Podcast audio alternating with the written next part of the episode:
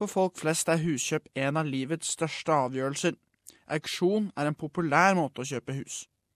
En av grunnene til dette er at auksjoner kan korte ned den nervepirrende prosessen rundt å kjøpe hus ned til en kort ettermiddag. Men å by på auksjon er som å stille til eksamen.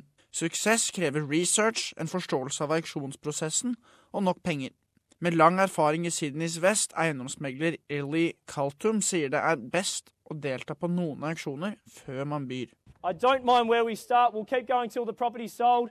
And if I can't see your bid, just yell it out. Best of luck, fresh bidding. For the first time, it it is daunting. They need to watch a couple of auctions before, just as a watcher, just to go there and see the feeling, how the auctions are run. 20, no need to hesitate. 30 it is if you like it, 30.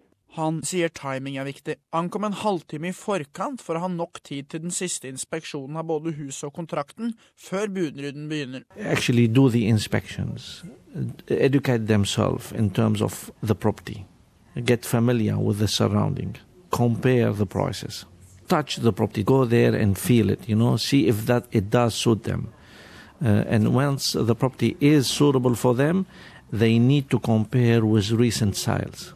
Ellie Coughton sier også at alt må sjekkes grundig i forkant. So you can seek a conveyancer or solicitor and say, look, I would like to carry on several inspections on a property before I go bidding on it. A building inspection, a pest inspection, and if anybody has interest in this land, as like maybe road winding or power lines going overhead, or maybe a major school may require the land. På auksjonsdagen vil potensielle kjøpere registreres hos auksjonøren, vise til identifikasjon og få et kundenummer. De fleste selgere vil sette en fast pris som et minimum. Dersom budene når denne prisen, er eiendommen på markedet og må selges under auksjonen. Nepalsk-australier Rajesh sier en auksjon kan være ukomfortabelt. The first time I went to an auction, it was very daunting. It just the sheer number of people that were there for the auction, it just straight away I was in back, on the back foot. Han ble utbedt flere ganger på sin eiendom, og sier han er skuffet. Det er viktig å holde hodet kaldt og huske på budsjettet, sier han. Have a realistic expectation of the price you're willing to pay because it's not just the price for the property then comes the stamp duty and the all the other expenses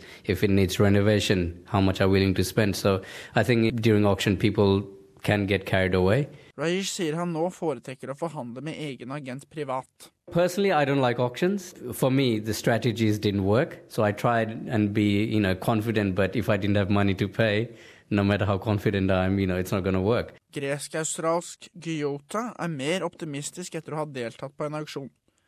Hun sier at en auksjon er den eneste måten å få huset hun ønsker seg for sin familie, og at hun er villig til å kjempe for dette huset. I don't think I like competition very much, but I, I definitely think if I was going to see a property that was what I was looking for, I definitely, you know, I think it'd be a challenge, but if it was a property that I really wanted, I think you got to be part of that competition. The market's hot. I'm in your hands at $530,000 and we're underway. 540 it's here. At 550 is in. Dersom en registrert kunde byr og budet blir godtatt av auksjonen, må den nye eieren møte megleren så fort som mulig. Ellie Kaltum forklarer. If you are the successful bidder at the fall of the hammer, you're required by law to pay the 10%. It may be in a way of a check.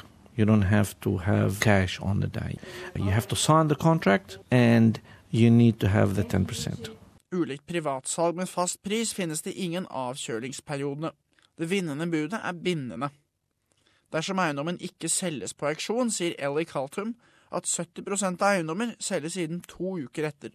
Dersom dette skjer, må eiendomsmegleren sette en rettferdig pris for både kjøper og selger.